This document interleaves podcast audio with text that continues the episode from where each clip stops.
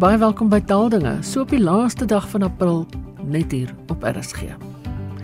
Jy kan ons luister op die gewone radio of oor die internet by rsg.co.za of op die DStv audiokanaal 813.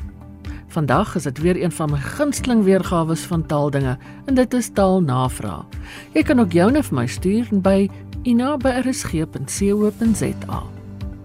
My gaste is die senior mede-redakteur van die Woordeboek van die Afrikaanse taal, Alet Kloete, en die mede-redakteur Gerda Oudendal. Alet, ons begin by jou. 'n Anonieme luisteraar vra waar die woord ganske vandaan kom. Byvoorbeeld, ek wag nou al die ganske oggend vir die dokter. My bron is weer eens die etimologie Woordeboek van Afrikaans. Ganske beteken hele en dit is 'n afleiding met k van gans op sy beurt uit die Nederlands gans. Ganske is 'n geselskapvorm wat met besondere nadruk uitgespreek word. Dit druk sterker gevoelswaarde uit as ganse en verwoord vorm van gansies. En interessant genoeg is dat die geselskapvorm ganske reeds in 1880 deur Arnoldus Pannevis in Afrikaans opgeteken. Gerda Anton wonder oor die herkoms van die uitdrukking op eie houtjie. Anton, om jou vraag te antwoord, het ek by jou naamgenoot Dr. Anton Prinsloo in sy baie nuttige taalbron spreekwoorde en wale vandaan kom gaan kers opsteek. En hy sê die volgende: Mense het soms twee kerfhoute of kerfstokke gehad wat netjies in die lente in mekaar voeg. En een is deur die koper en een is deur die verkoper gehou. Nou op die houte is die transaksies tussen die twee aangeteken as 'n nuwe transaksie op die stok aangebring moet word, is 'n keep oor albei dele van die saamgevoegde hout gekerf. En op hierdie manier het die twee partye te alle tye die stand van 'n rekening in die hand gehad en kon geen bedrog plaasvind nie. Maar as iemand dan gegaan het en op sy eie houtjie 'n kerf gemaak het, kon die die transaksie nie geld nie. So die persoon het iets op sy eie gesag gedoen of sonder om die ander te raadpleeg en dis dan natuurlik wat op eie houtjie ook beteken. Ek moet vir jou sê van alles wat ons in taalnavraag behandel is die herkoms van woorde en uitdrukkings nog altyd my gunsteling. Ja, dit is vir my ook altyd lekker om bietjie te gaan navors. Waar het ons nou eintlik aan hierdie woorde gekom? Alhoewel iemand wil weet waar kom uitknikker vandaan en ook die frase wat ons so dikwels in cricket verslae hoor, naamlik die Proteas is stewig in die saal. Nou om hierdie uh, woord uitknikker te verstaan, moet ons weet wat knikker beteken. As werkwoord het dit oorspronklik onder andere die volgende beteken: Eerstens met 'n groter albaster wat as goen gebruik word, albasters uit 'n krans en die krans was dan nou so 'n elliptiese kringetjie wat op die grond getrek is, skiet. Of in tweede plek by spelers soos knikkerbal met 'n bal ander balle uit 'n ry oor 'n streep en dergelike skiet of gooi. Uitknikker in die betekenis die cricketpaaltjies laat spat of 'n span vinnig uitbal het waarskynlik sy oorsprong in verouderde spele soos albasterspel of knikkerbal. Stewig in die saal het ons van Nederland vas in die zadel zitten geërf. Die uitdrukking is ontleen aan die middeleeuse toernooigevegte waar een ruiter die ander met sy lans uit die saal probeer lig het. As jy stewig in die saal gesit het, was jy dus op pad na oorwinning. Gaan nou 'n luisteraar sê, hy sê hy hoor dikwels daar word in nuusberigte gepraat van die parlement se oorsigkomitee. Hy vra moet dit nie eerder toesigkomitee wees nie want oversight beteken tog toesig en oorsig is iets eerder soos 'n opsomming. Mens gee 'n oorsig van 'n dokument of so. Ja, die luisteraar is reg as hy sê oorsig is amper soos 'n opsomming as ons dit nou in woordeboekterme gaan definieer, sê ons dis 'n kort beskrywing of samevatting van iets wat slegs die hoofpunte gee en nie al die besonderhede nie. Maar soos baie woorde in Afrikaans kan die woord oorsig meer as een betekenis hê. So die woord se uh, woord oorsig kan ook toesig beteken. So oorsigkomitee is dis nie verkeerd nie. Ons kan praat van sowel as oorsigkomitee as toesigkomitee. En wat dit wels dan nou gebeur is dat in 'n sekere konteks ontstaan daar dan 'n voorkeur vorm en dan word hy in gebruik of meer in algemene gebruik. En ek dink dit is dan nou hier wat gebeur ook hiersom met 'n uh, oorsigkomitee um, om dat hoekom ons dit meer dikwels sien as toesigkomitee. Sandra Nel van Mosselbaai sê, is dit reg om te sê die verdagtes waarvan 'n paar gevlug het, sy sê 'n nuusleser het dit onlangs gebruik. Alet, wat sê jy? definitief korrek nie. Waarvan verwys na 'n voorwerp, byvoorbeeld die boek waarvan ek jou vertel het, die resep waarvan ons praat, die stoel waarvan die pot af is. Van die verwys na 'n persoon of persone, byvoorbeeld die model van wie hulle skinder, die mense van wie ons lees en dan nou die verdagtes van wie 'n paar gevlug het.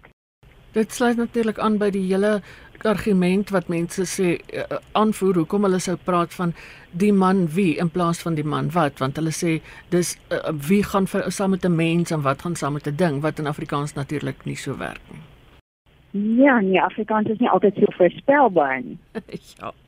Die name van diere, voëls, plante en soos ook altyd 'n bron van vreeslike interessante vrae en dan antwoorde ook. Gerda Sandra Visser wil weet waar die voelbenamings loerie en tarantaal vandaan kom.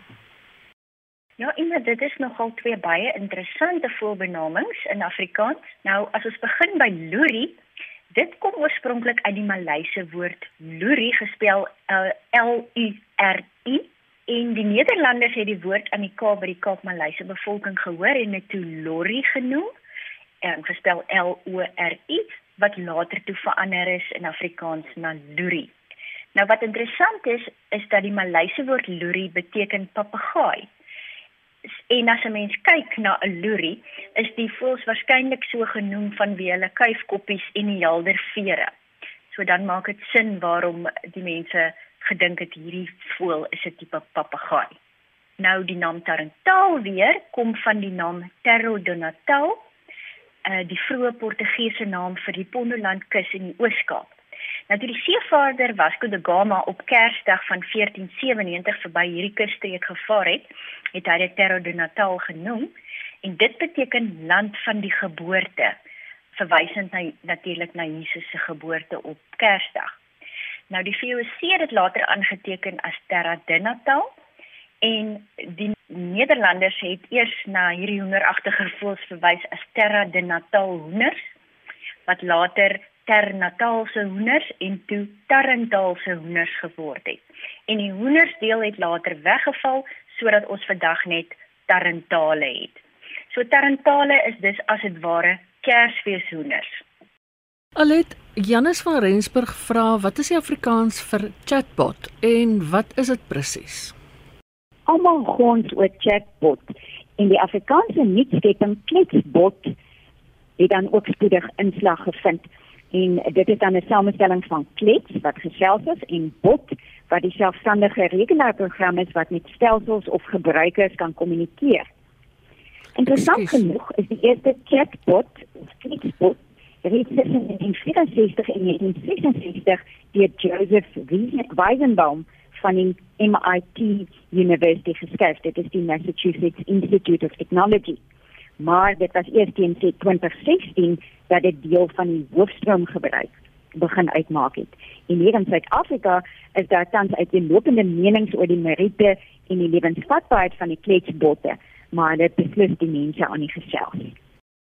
Wilna van Wellington sê my oupa wat sy lewe lank al in Namakoland woon, verwys altyd na enige goggetjie of gediertetjie waarvan hy nie die naam ken nie as 'n konkonnetjie. Is daar so iets soos 'n konkonnetjie en wat op dese aarde is dit? Gerda? Ja, um, ek dink wat hierdie deurslag gee is dat Wilna se oupa 'n Namakwalander is en die woord konkon is eintlik hoe mense dit uitspreek, gespel K O N K O N, maar jy spreek dit met so 'n klapgeluid uit uh is aan name ontleen. En dit is die benaming wat in Namakwaland gebruik word vir die grondgeitjie. Um, so is nie werklik enige diertjie nie, dis spesifiek die grondgeitjie. Maar ons kry die woord byvoorbeeld in F.A. Venter se boek Water waarin hy sê die Namakwalander sal sê daar klik die konkon, dit kom reën. Dis baie oulik. En mens sal nou net die die die ehm um, uitspraak van die spelling aflei nie want dit lyk soos ek bedoel mens spel dit net K O N koppelteken K O N N E T J I E. Ja, ja nee, ehm um, daarom in in 'n woordeboek byvoorbeeld in in 'n gevalle soos hierdie sal ons spesifiek die uitspraak gaan gee om juis aan te dui dat ons dit hier met 'n ander tipe klank te maak as wat ons gewoonlik in Afrikaans kry. Alet Welma Jordaan van Panorama wil weet waar ons aan die woord perewaier kom. 'n Perewaier is iemand, dit is 'n welgestelde mannelike persoon wat die tyd verwyl deur te vuif en te flankeer. En die woorde pirawai en pirawaier het ons van die Nederlandse seemanstaal geërf. Nederlandse matrose het pirawai aan Russies, nou my Russiese uitspraak is nou glad nie baie goed nie, pirowat ontleen. Dit beteken om aan 'n jolige eet en 'n drinkparty deel te neem. Arno Mostert van Kimberley wil weet, waar kom die gebruik van die woord chookie vir tronk vandaan? Want is 'n chookie dan nou nie 'n trein nie? Gerda?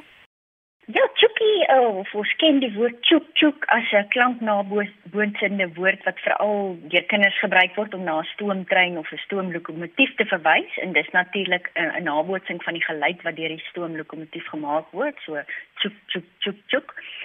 Maar chookie in die betekenis van tronk het niks te maak met 'n trein nie. Die woord chookie of chookies is al in 1884 vir die eerste keer in Afrikaans gebruik en dit is ofwel sekerlik al vroeër is dit, maar dit is in daardie jaar opgeteken in die heel eerste Afrikaanse woordeboek wat deur die Nederlander Nicolaas Mansveld saamgestel is. Nou hierdie woordeboek se naam was Proewe van een Kaaps-Hollands Idiotikon met toeligtinge en opmerkende opmerkings betreffende land, volk en taal. So dit was 'n hele mond vol. Maar die woord is 'n verafrikaansing van die woord choky wat uit Indiese Engels kom en dit beteken tronk. Nou choky is weer aan die Hindi woord chowky ontleen wat verwys na die pos van 'n wag of 'n polisieampte. Nou wat baie interessant is, soos ek sê, hierdie woord is al baie vroeg reeds gebruik in Afrikaans en ek lees graag uh, vir julle 'n voorbeeld uit ons kleintjie van Oktober 1901 wat daar staan. Gert sê toe hy het vir julle twee die vorige aand afgeluister dat julle twee nou wil verraaiers word dat hy dit aan die president vertel het en dat die president gesê het hy sal vir julle dophou en as hy wat agterkom sal hy julle pak en in die tjoekie sit op Pretoria So inderdaad 'n woord wat al 'n lang pad in Afrikaans aankom. Ja. En hy sê so lekker. Ja. en die laaste vraag vir jou Alet Melkkutse sê ek hoor nou die dag die woord tramakassie by 'n blommeverkoper in die Kaap. Ek lê af dit beteken dankie, maar wat is die oorsprong daarvan? Dit is eintlik verblydend om te hoor dat dit tramakassie nog gebruik word, want dit is aan die verouder. En in Suid-Afrikaans word die Arabiese woord shukran meer gehoor. Tramakasi kom uit Maleis, terimakashi, en dit beteken veel meer as net dankie. Kashi beteken oorspronklik liefde, toegeneemdheid of sorg. En terima beteken ontvang. Dit is dus baie spesiaal as iemand jou met terimakashi of tramakasi bedank. Ehm um, die laaste vraag Gerda gaan oor spelling, dink ek. Ingrid Steenkamp van Kuilsrivier sê sy sien soms die woord gunsteling vasgeskryf word aan die daaropvolgende woord soos gunsteling kos en sy vra of dit korrek is, moet dit dan nie eerder twee woorde gunsteling spasie kos wees nie. Ingrid gunsteling kos of enige ander woord soos gunsteling boek, gunsteling fliek, gunsteling televisieprogram ensovoorts word inderdaad as een woord geskryf. Nou die rede hiervoor is dat gunsteling 'n selfstandige naamwoord is en nie 'n byvoeglike naamwoord nie.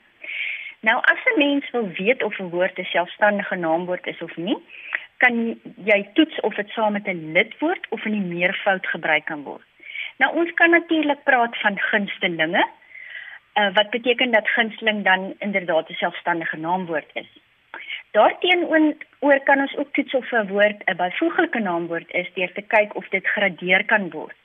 Ehm um, deur byvoorbeeld die woord baie voor die woord te sit. Ons kan nie praat van baie gunsteling nie. So dit is duidelik dat gunsteling is nie 'n byvoeglike naamwoord nie en kan dus nie los van die daaropvolgende selfstandige naamwoord geskryf word nie. En omdat gunsteling 'n selfstandige naamwoord is, moet dit dan altyd vas aan die daaropvolgende selfstandige naamwoord geskryf word. Die ander een waaroor mense dikwels twyfel is natuurlik privaat, soos privaat skool of privaat sak. Is dit nou een of twee woorde? Maar dis iets vir 'n ander dag.